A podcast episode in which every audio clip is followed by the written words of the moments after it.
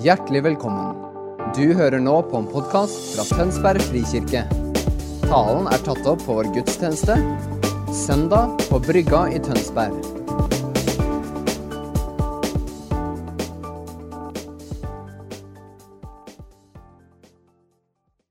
Vi tror på Jesus Kristus. Det har vært flott å få tilbakemeldingene fra huskirkene og fra enkelte av dere. eh, Og høre at denne veien vi har gått, eh, har gjort noe med oss. Har grunnfesta oss eh, og betydd noe for oss. I dag så er overskriften 'Vi tror på Jesus Kristus, som gir oss sin ånd'. Vi tror på Jesus Kristus, som gir oss sin ånd. Ta neste bilde. Ja, du, der har du den, ja. ja. Beklager. Jeg ser ikke bak eh, på skjermen der. Kommer den der framover nå? Nei, gjør ikke det? Ok. Om et lite øyeblikk så skal vi gå inn i Johannes evangeliet kapittel 16. og Dere kan slå opp der. Så skal vi lese fra vers 12 om et lite øyeblikk. Men vi skal først eh, være litt i selve tematikken. Vi tror på Jesus Kristus, som gir oss sin ånd. Som, som kristne så har vi litt ulike preferanser i forhold til hvordan vi forholder oss til den tredje Gud. Bare tenk med deg sjøl. Hvem ber du mest til når du ber din daglige bønn? Er det Fader vår? Er det Far? Er det pappa Gud? Er det Jesus? Jesus Kristus? Eller ber du Hellige Ånd? Jeg tipper de fleste av oss er innom alle sånn fra tid til annen. Men jeg tipper også de fleste av oss har en av de som vi henvender oss til mest. Stemmer det? Mange av dere er som har én favoritt. Ja, det er sånn. Vi venner oss til det. Skal ikke gå inn i det, men, eh, men det er veldig interessant å gjøre. For å finne ut hva er det i relasjon til Gud vi mest tapper inn i. Ut ifra hvem i guddommen vi ber til. Og Grunnen til at jeg starter der, er bare for å få opp en bevissthet. Fordi noen ganger får jeg inntrykk av at vi kristne ikke tror på en treenig Gud, men en trefoldig Gud. Og da er vi litt ute og kjører. Jeg har fått lov til å reise litt rundt og, og være i ulike sammenhenger. Og, og da kommer jeg til plasser hvor de er kjempeglade i Jesus. Eh, og de snakker varmt og godt om Jesus, og jeg merker jo virkelig åndens eh, hjerteslag på en måte i denne Jesusbegeistringa. Men med en gang vi begynner å snakke om Den hellige ånd, så snurper de litt til. Og sier at ja, litt, men ikke for mye. Da er vi på sporet av et trefoldig og ikke treenig gudsbilde. For dere, det er klin umulig å være lidenskapelig glad i Jesus uten at det er Den hellige ånd som virker den lidenskapen i hjertet ditt.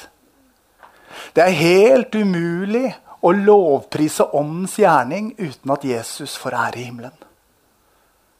Det er helt umulig å takke Gud for hans betingelsesløse, grenseløse kjærlighet til oss uten at ånden fryder seg samtidig. Når vi underviser tenåringene, så sier vi at det er samme B til hvem du vil. De har samme adresse. Det kommer fram uansett. Eh, men det hender kanskje at vi voksne også trenger å, å minne oss sjøl om det. Og Grunnen til at jeg tar det innsteget, er fordi eh, Jeg kan si allerede nå at høsten eh, til høsten tar vi ett steg videre. Samme overskriften 'Vi tror på', men da tar vi tre, den tredje leddet i trosbekjennelsen. Vi tror på Den hellige ånd. Skal vi bruke høsten der? Og Det er ikke det at vi da slutter å fokusere på Jesus. Aldeles ikke. Og det er det dagen i dag tror jeg skal vise oss ganske tydelig. Vi tar teksten fra Johannes 16. Fra vers 12. I Jesu navn. Ennå har jeg mye å si dere, men dere kan ikke bære det nå. Men når sannhetens ånd kommer, skal han veilede dere til hele sannheten. For han skal ikke tale ut fra seg selv, men si det han hører, og gjøre kjent for dere det som kommer. Han skal herliggjøre meg, for han skal ta det som er mitt, og forkynne for dere. Alt det som far har, er mitt. Derfor sa jeg at han skal ta det som er mitt, og forkynne for dere. Slik lyder Herrens ord. Ser dere hvordan Jesus i disse korte versene her i Johannes 16 eh, på en måte tetter hullene og, og, hjelper oss med å skjønne at ja, det handler om den ene treenige Gud, Fader, Sønn og Hellig Ånd. Alt som far har, er Jesus sitt. Og alt som er Jesus sitt, og som han deler med far, har ånden tilgang på. Og ånden gir oss det, sånn at vi får lov til å få del i det sammen med den treenige Gud.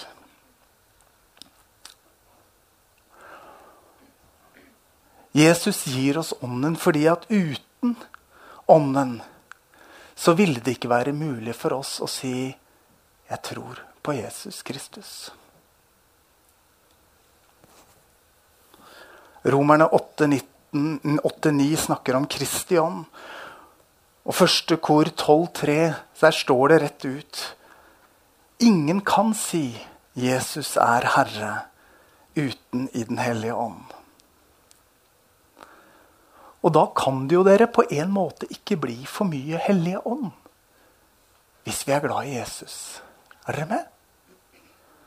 Fordi jo mer vi får ta imot av Den hellige ånds gjerning, jo mer Den hellige ånd får lov til å jobbe i våre hjerter, i våre relasjoner og i menighetsfellesskapet som helhet, jo mer vi slipper ham til, jo mer blir Jesus og hele hans himmelske forråd tilgjengelig imellom oss.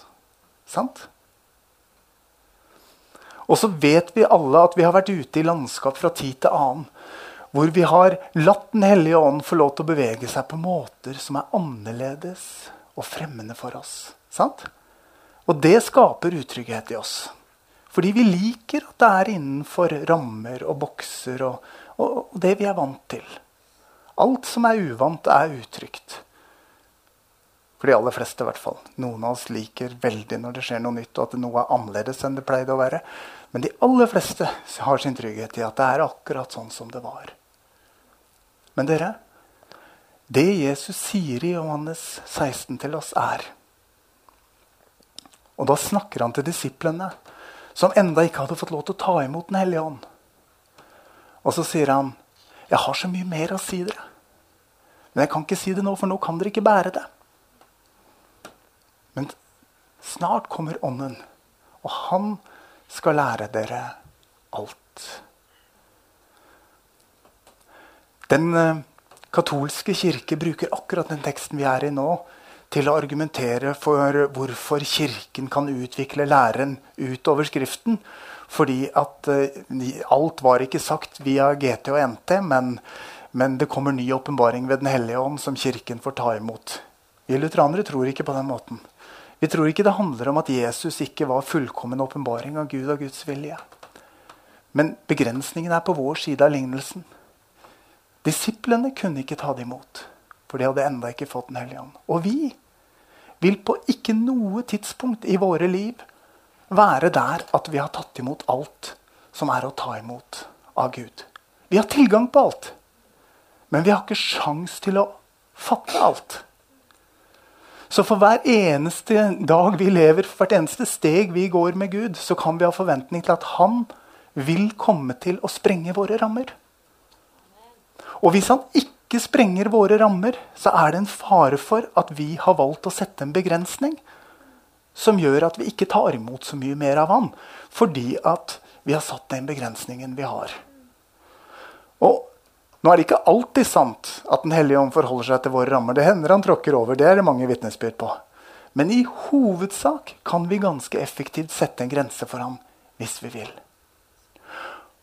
Og min invitasjon til oss som fellesskap, fordi jeg er overbevist om at vi har fått lov til å ta imot et kall til å være en menighet overøst av kjærlighet til Gud og mennesker. Og at det er en Guds rike visjon og en bønn og en drøm om at Jesus ved sin ånd kan få sin vei i vårt fellesskap sånn som han vil. Så er det min bønn at vi sammen kan bruke noen liksom gammeldagse ord ydmyke oss for Herren.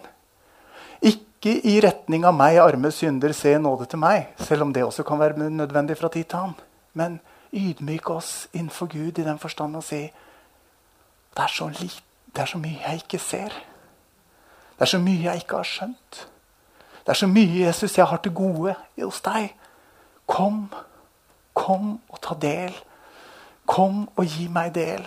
Kom og åpenbar for meg mer av hvem du er. Mer av det du har for meg. Mer av det du har for vår kirke. Fordi hele himmelens forråd er tilgjengelig for oss Jesus Kristus. Og Ånden gir oss del i det, sier dagens ord. Da er det veldig viktig at vi er åpne og lydhøre for Den hellige ånd. Og ikke bare så han får tale til tanken vår men så han får stelle med hjertet vårt. Så han får styre våre handlinger og valg og prioriteringer. Så han får lov til å forme livet vårt. For det er da det begynner å svinge.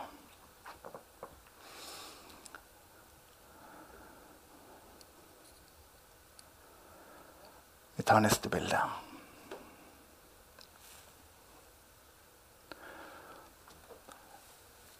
Og når jeg har sagt alt det her så er det likevel viktig for meg å si Vi kan bli så opptatt av Den hellige ånd sin gjerning og handling og ytring at Jesus fader litt bort. Det er ikke fordi Den hellige ånd ikke gjør jobben sin, men det er fordi vi mister litt fokuset. Jeg husker når jeg, jeg, begynte min vandring inn i denne erfaringen av det fins et gudsrike her med tegn og under og mirakler og en virkelighet som jeg ikke har sett før, så var jeg begeistra. Ja. Og da kommer min forbeder inntil meg, eh, Tora Treldal fra Tabernakelet i Skien. God pinsevenn. Og så lener hun seg inn og så ser hun myndig på meg. Og så sier hun 'Husk på det, Morten'. Åndens første og fremste oppgave er å åpenbare Kristus. Da hadde jeg sikkert begynt å flagre litt ut på ytre høyre en eller annen plass. Syns det var litt litt i denne presten, så hun hadde behov for å formane ham. Men det er sant, da, dere. Jo mer Den hellige ånd får fritt spillerom i mitt liv og ditt liv og i vår menighet, så kjennes det når det er sunt, på Jesus' begeistring. Det kjennes på overgivelse til Han. Og det kjennes på at vårt sinnelag blir forma likt hans. Sånn at et møte med oss sporer an til og dreier oppmerksomheten mot at han er i huset. Han er i huset.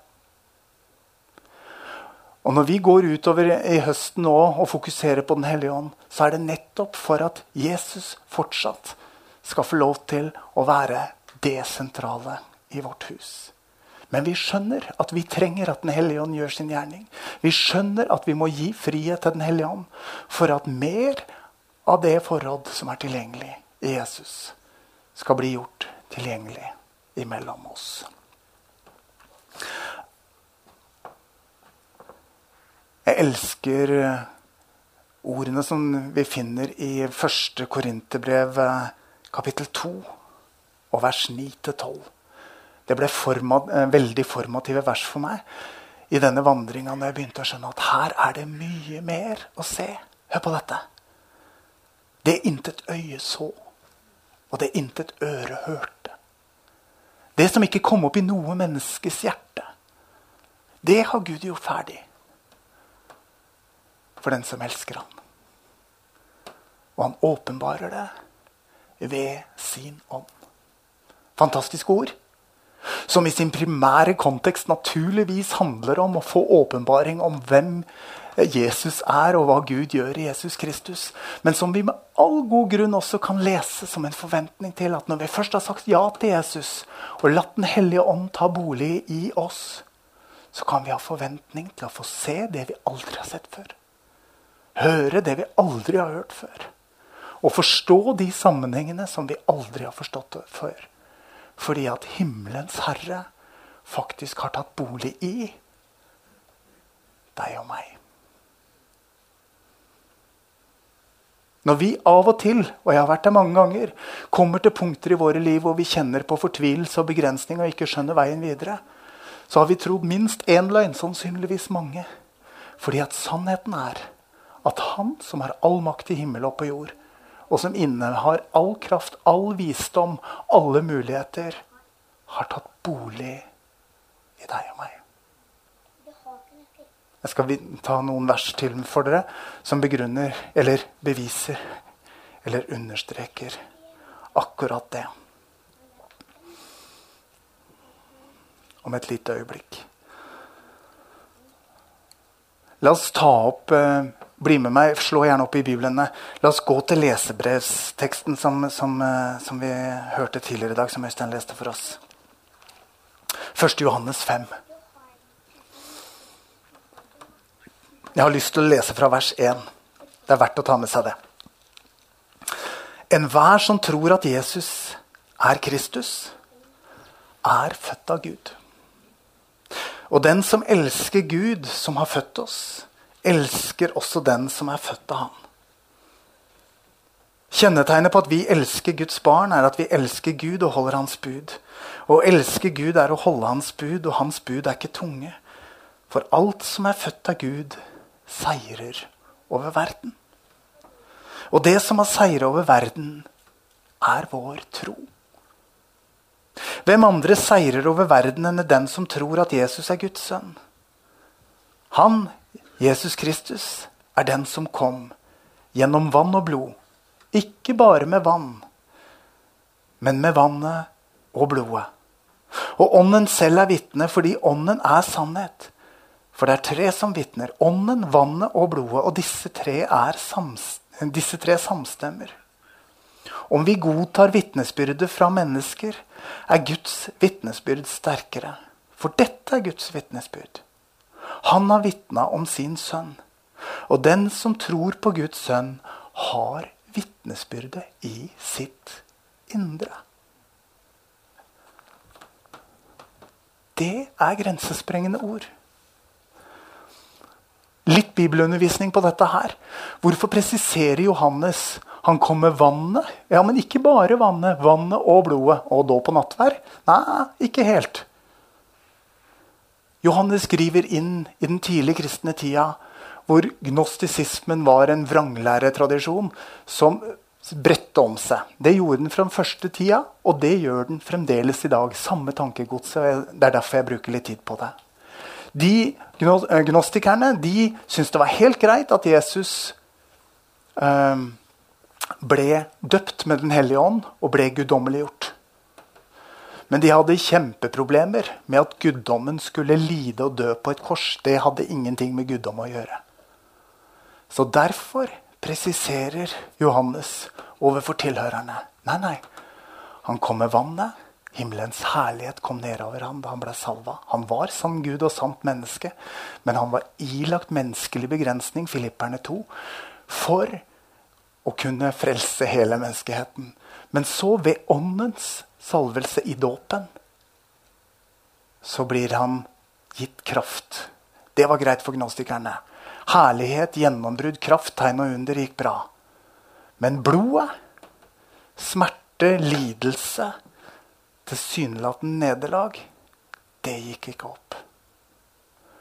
Og på den måten har vi alltid drevet og balansert i kirken også, dere. Vi har elska vekkelsesmøtene, hvor nærværet og kraften og underet og miraklene skjer. Sant? Vi elsker det. Men så har vi strevd litt mer med å gjenkjenne Jesus i smerten i nederlaget, og i lidelsen. Men Jesus er begge deler. Er dere med meg? Han er den som talte, og det sto. Som befalte åndsmakten, og de vek. Som talte til den syke, og de ble friske. Men han er også den som gikk lavt. Som tålte smerte. Som gikk veien, og som oppga alt for å vinne alt for oss. Og når vi kalles til å ta imot av Den hellige ånd, som tar av det som er Jesus sitt, og gir til oss, så er det for at vi skal få lov til å eie troen og håpet på at miraklenes Gud fremdeles er det til gjennombrudd for våre liv. Men det er også for at vi skal skjønne at i den sesongen eller i den virkeligheten hvor noe rammer, plager eller tar oss, så er han fortsatt herre. Som troner. I og gjennom vår smerte, og på og gjennom våre gjennombrudd. Begge deler. Han kom med vannet og med blodet. Med seier og med offer. Og han inviterer oss, og Den hellige ånd gir oss nåde til å stå i tro både med seier og gjennombrudd, og i tro når vi rammes. For på den måten leste jeg nå fra begynnelsen av 1. Johannes 5. Det som seirer over verden, det er vår tro. Fordi at troen er knytta til den seier som er fullstendig fullbrakt. En gang for alle i Jesus Kristus. Som, et, som en strek på historielinja som ikke kan gå oss forbi uansett hvor mye man prøver. Der er seieren vår forankra. Så enten vi lever eller dør, hører vi Herren til. Så kan vi prise ham i våre gjennombrudd. Og så kan vi proklamere hans seier i våre nederlag. Er dere med? Og når vi klarer den dobbeltheten ved Den hellige ånds hjelp, for bare ved Den hellige ånds hjelp er dette mulig, så får Kristus ære, og vi går sant og sunt gjennom dette livet. Er dere med? Jeg lengter etter, og det er derfor vi har både bønnerom og åpen himmel og andre arenaer. Jeg lengter etter mer av åndens gjennombrudd, så mer av Guds rike kan spire fram. Mer tegn og undre og mirakler. Jeg tror vi har masse til gode, dere. Har dere lyst til å være med og be om å åpne for det? Amen. Virkelig, altså. Og samtidig ønsker jeg at vi skal være det menighetsfellesskapet som allikevel står sant og sunt med der liv rammes, der smerte og der sykdom tar feste. Uten at det gjør noe med vår tro. Fordi at troen er festa i tilliten til Jesus Kristus. Og den er poda inn som en gave fordi Den hellige ånd har gitt oss den gaven. Og Gud er ikke mindre Gud. Enten på den ene eller den andre sida. Og seieren er vår uansett. Men den seieren har evigheten som perspektiv. Bare en liten parentes. Jeg skal ikke gå inn den døra. Men dette er den eneste måten vi klarer å forholde oss fornuftig til at det fins en del av kirken, en stor del av kirken, som lider forfølgelse, og som dør. Og betaler den prisen for sin tro. Er dere med?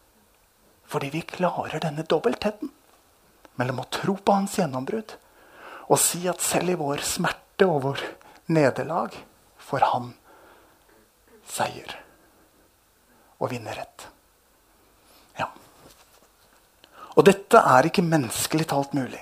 Dette er bare mulig når Den hellige ånd gir oss det. Neste bilde. Hør på det her. Den som tror på Guds sønn, har vitnesbyrdet i sitt indre. Det er her vi har vår frelsesvisshet, dere. Og jeg ønsker at uansett hva Gud gjør eller ikke gjør, uansett hvordan Den hellige ånd kommer eller ikke kommer, uansett om han gjør det i meg eller noen av dere, Uansett om jeg blir berørt eller ikke blir berørt, så lenge vårt fellesskap blir velsigna ved at Gud får sin vei, så skal alt det der bare være nærmest som randsonefenomener hvis vi alle sammen står forankra i at jeg tror på Jesus Kristus. Og han har gitt meg sin tro. Og hele Guds forråd og hele Guds fylde har tatt bolig i meg av det. Og ingenting, ingenting kan rokke dette. Dere, da står vi støtt. Selv om den ene får noe som jeg skulle ønske jeg hadde, eller den andre går fram med en gave eller åndsutrustning som jeg blir litt spørrende til. Fordi vi står fast i Jesus Kristus. 1. Johannes brev 2, 27. Hør på det her. Dette er helt grensesprengende. men jeg tror det er sant. altså. Men salven dere har fått fra Han Salven er et bilde på Den hellige ånd. Blir værende i dere. Så dere trenger ikke opplæring fra noen. For Hans salve lærer dere om alt, og den er sann og uten løgn. Bli da i Han, slik den har lært dere. Hvem den? Salven. Ånden. Så ånden gjør først og fremst det ånden først og fremst gjør bestandig den sørger for at vi blir i Jesus Kristus. Fokuserer vi for mye på Den hellige ånd og på gavene, så mister vi fokus, og så drifter vi. Nei, Ånden hjelper oss å fokusere på Jesus. Men når vi fokuserer på Jesus, så vil Den hellige ånd forløse hele himmelens forråd for oss. Så vi ikke trenger opplæring fra noen. Pass på så ikke du blir stolt hvis det der næra deg veldig. Du trenger absolutt undervisning. Jeg trenger absolutt undervisning. Vi trenger alle å lytte til hverandre. Alt vi får åpenbart, trenger vi å prøve. Både på Guds ord og på, på, på de vi har tillit til, og som er søsken. For vi kan gå av sporet aleine. Så dette er ikke et sånn anarkistisk åndelig eh, alibi. hvis dere skjønner. Og det var veldig tungvint sagt. Uh, svette meg for noen ord. Um, dette, er ikke, dette er ikke en invitasjon til åndelig fri, frigang. Eh, men det er tillit til at vi alle har tilgang til alt som er tilgjengelig for oss i Jesus. Så la oss slutte å sette i bås, måle og veie. Den er så åndelig der, den har så stor gave der. Den har så stor tro, den har så stor innsikt, den har så Husk på det. Og dette er det før vi skal inn i Helligåndssemester til høsten. da. Paulus nærmest rister korinterne i når han skjønner at det har begynt å konkurrere om hvem som er mest ditt og mest datt og størst sånn og minst sånn. Ingen av de tingene er våre. Åndsgavene, helligåndsgavene, nådegavene får vi til tjeneste. Ingen av de er skilt. Ingen av de er ment å gi deg identitet. De er ment å gi deg tjenerskinn. Så du kan bøye deg ned, sånn som Jesus gjorde og med din gave løfte noen andre opp. Så de kan komme inn i den posisjonen som Gud har for dem. Er dere med? Så la oss, når vi ser at Gud beveger seg, la oss takke Gud for at han velsigner oss som fellesskap. Til å tro Jesus mer. Til å følge han mer. Og ikke minst til å representere han mer. Å representere han gjør vi både når vi viser hans sinnelag, men også når vi har tilgang på den kraft han er, som kan sette ting i rette stand i omstendigheter hvor Guds vei ikke har fått lov til å få gjennombrudd. Er dere med? Ja.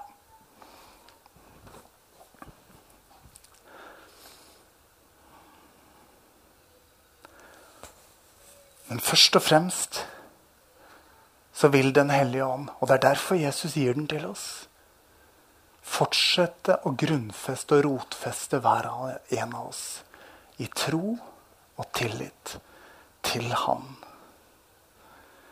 Å skape i oss en bønn og en lengsel og en tillit til at det er mer å ta imot. Mer å få. Mer å ta imot og mer å få. Den gamle lovsangen 'Mer nåde, mer kraft, mer av deg i mitt liv'. Mer nåde, mer kraft, mer av deg i mitt liv. Jesus, ha din vei i vårt liv som menighet. Ha din vei i mitt liv som enkeltmenneske. Ha din vei i våre kjernefamilier. Ha din vei i våre nabolag. Så mer av den du er, blir gjort tilgjengelig mellom oss her og nå. Det er vår bønn. Et sist, neste lysbilde.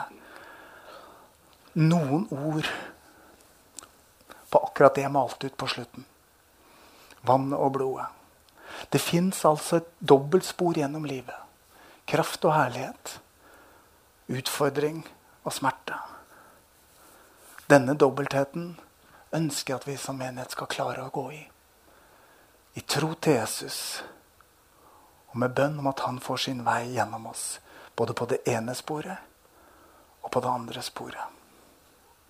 Dere, um, vi erfarer ikke forfølgelse fysisk i Norge. Men jeg tror det er på tide at vi våkner opp og forstår at forfølgelse også er en realitet for oss som er norske kristne. Vi fengsles ikke og settes bak murer pga. vår tro. Men vi presses ofte ut i et jag som gjør at mange sier 'jeg mister meg selv i denne travelheten'. Og vi møter en ideologisk forfølgelse som gjør at mange finner det for godt å heller være stille om det de tror på, enn å si det i en redsel for at cancel culture skal bli virkeligheten, og at de skal liksom bli marginalisert.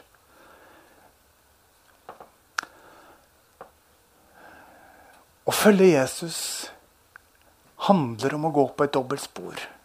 Å forløse hans kraft og gå, være forankra i hans kjærlighet. Og alt det gode som Jesus velsigner livet vårt med. Men det er også å velge å si ja til å betale en pris når vår tro og frimodigheten på vår tro nettopp har det. Og så da likevel vite at vi har en kamp å kjempe som allerede er vunnet. Og vi trekker av en seier både her og nå, og også i det evige. Men mest av alt på, i denne sesongen skal vi være våkne. Sånn at vi kan være mottakere av ny kraft, ny kjærlighet, ny nåde. Så vi kan være kjent for å være det folket som er rause, som ser og som elsker. Og da er vi tilbake på godhet, da, dere. Er vi ikke det? Vi kan iallfall godt være det. Pinsepastor og forfatter Thomas Sjødin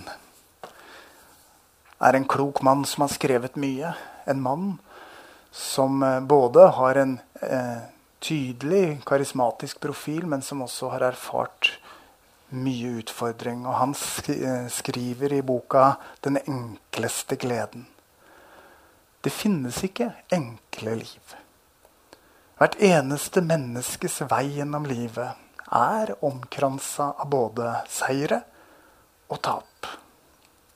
Vår vei som Jesus-troende er en vei gjennom seier og tap. Og så er det sagt at du kommer aldri til å vite at Gud er alt du trenger, før Gud er alt du har. Det er en setning med dybde. Noen ganger er det åpenbaring av Gud ved Den hellige ånd, når Hans nærvær kommer, som gjør at jeg kan si halleluja. Én dag i dine tempelgårder, Gud, er bedre enn tusen dager ellers. Da er det åpenbaringen som gjør at jeg skjønner at alt jeg har, er ingenting mot dette ene, at jeg har livsfellesskap med Gud. Da får vi det på det gode. Andre ganger er det smerten og krisen som tar oss dit. At vi nesten opplever at vi har mista alt, og det eneste vi har igjen, er Han.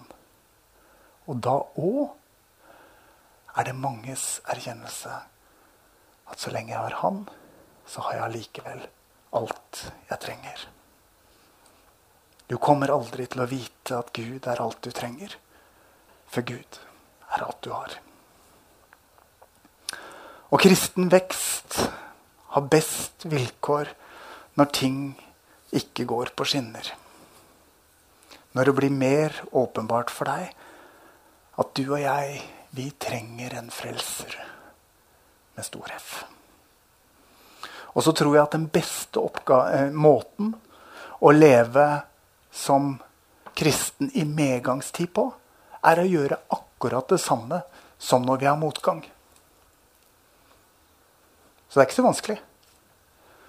Hvis du har det veldig bra akkurat nå, så gjør akkurat det samme i ditt liv med Jesus som du gjør når du har det veldig vanskelig. Da leser vi ordet. Da roper vi til han. Da bruker vi tid. Og så ber vi om at han må få sin vei. Og gjør vi det, så svarer han på de bønnene. Så har han på forhånd sagt at hele hans vitnesbyrd er i oss som tror. Så han er mektig til å få sin vei i vårt indre. Jeg skal gå mot avslutning, og dere kan få lov til å komme opp lovsangstime.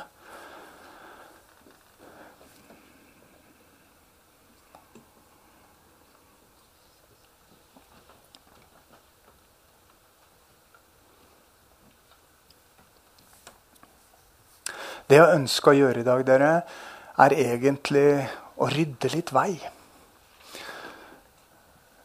Mellom litt ulike størrelser. Jeg tror ikke jeg har sagt noe til dere ikke dere har hørt før, men jeg håper jeg har fått plassert tingene i forhold til hverandre på en god måte.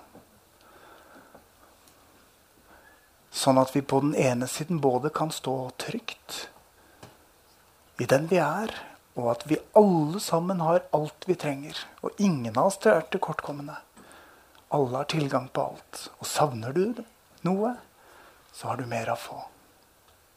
Og samtidig at vi kan være så forankra i det at når Den hellige ånd begynner å bevege seg imellom oss på den ene eller den andre måten, så kan vi stå i enhet fortsatt i mangfold.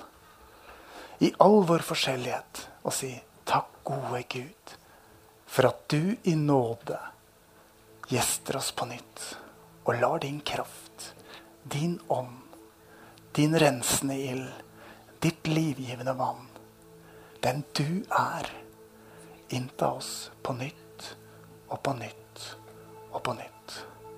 For vi er et troens folk som stadig trenger å drikke friskt og nytt av Den hellige ånd. For å tro det vi har fått lov til å ta imot. Og for å være og leve det vi har kalt til å være og leve. Så Derfor vil jeg avslutte med at vi rett og slett, hvis du vil, legger hendene i fanget som en skål. Som en bønn til Gud om at han må få lov til å komme og fylle dine kar. Ditt liv. Dine tankebaner. Ditt hjerte. Din familie. Dine preferanser og valg. Det er en modig bønn. For det jeg nettopp sa, handler om overgivelsen. Jeg vil gi deg alt. Og gi deg råderett i alt. Men hvis du vil det, så vit at han gjerne kommer og sprenger dine bokser. Utvider dine grenser. Og viser deg et land som er mye større enn du noen gang visste fantes. Muligheter du aldri hadde forestilt deg. Og tar deg ut på en plass hvor noe av det han er, får strømme gjennom deg på måter som du aldri før har erfart det. Så Jesus, tusen, tusen takk for at du har gitt oss din ånd. Og for at du igjen vil gi oss av din ånd. Herre, nå ser du oss. Vi står her og sitter her med hendene foran oss som ei tom skål. Og vi ber, kom Hellige Ånd. Fyll våre liv. Fyll våre hjerter og tanker og sinn. Hellige Ånd, vis oss Jesus enda mer. Ha din vei i våre liv. Forløs dine gaver.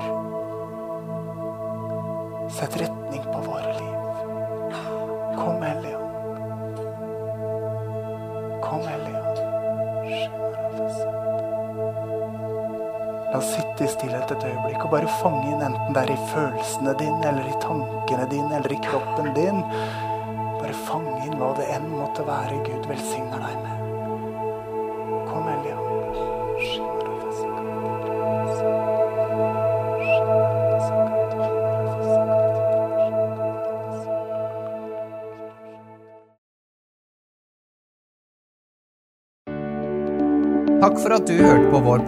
Vår. Har du spørsmål eller ønsker du å vite mer? Søk oss på vår nettside tonsbergfrikirke.no. Du er også velkommen til kirke på Brygga i Tønsberg.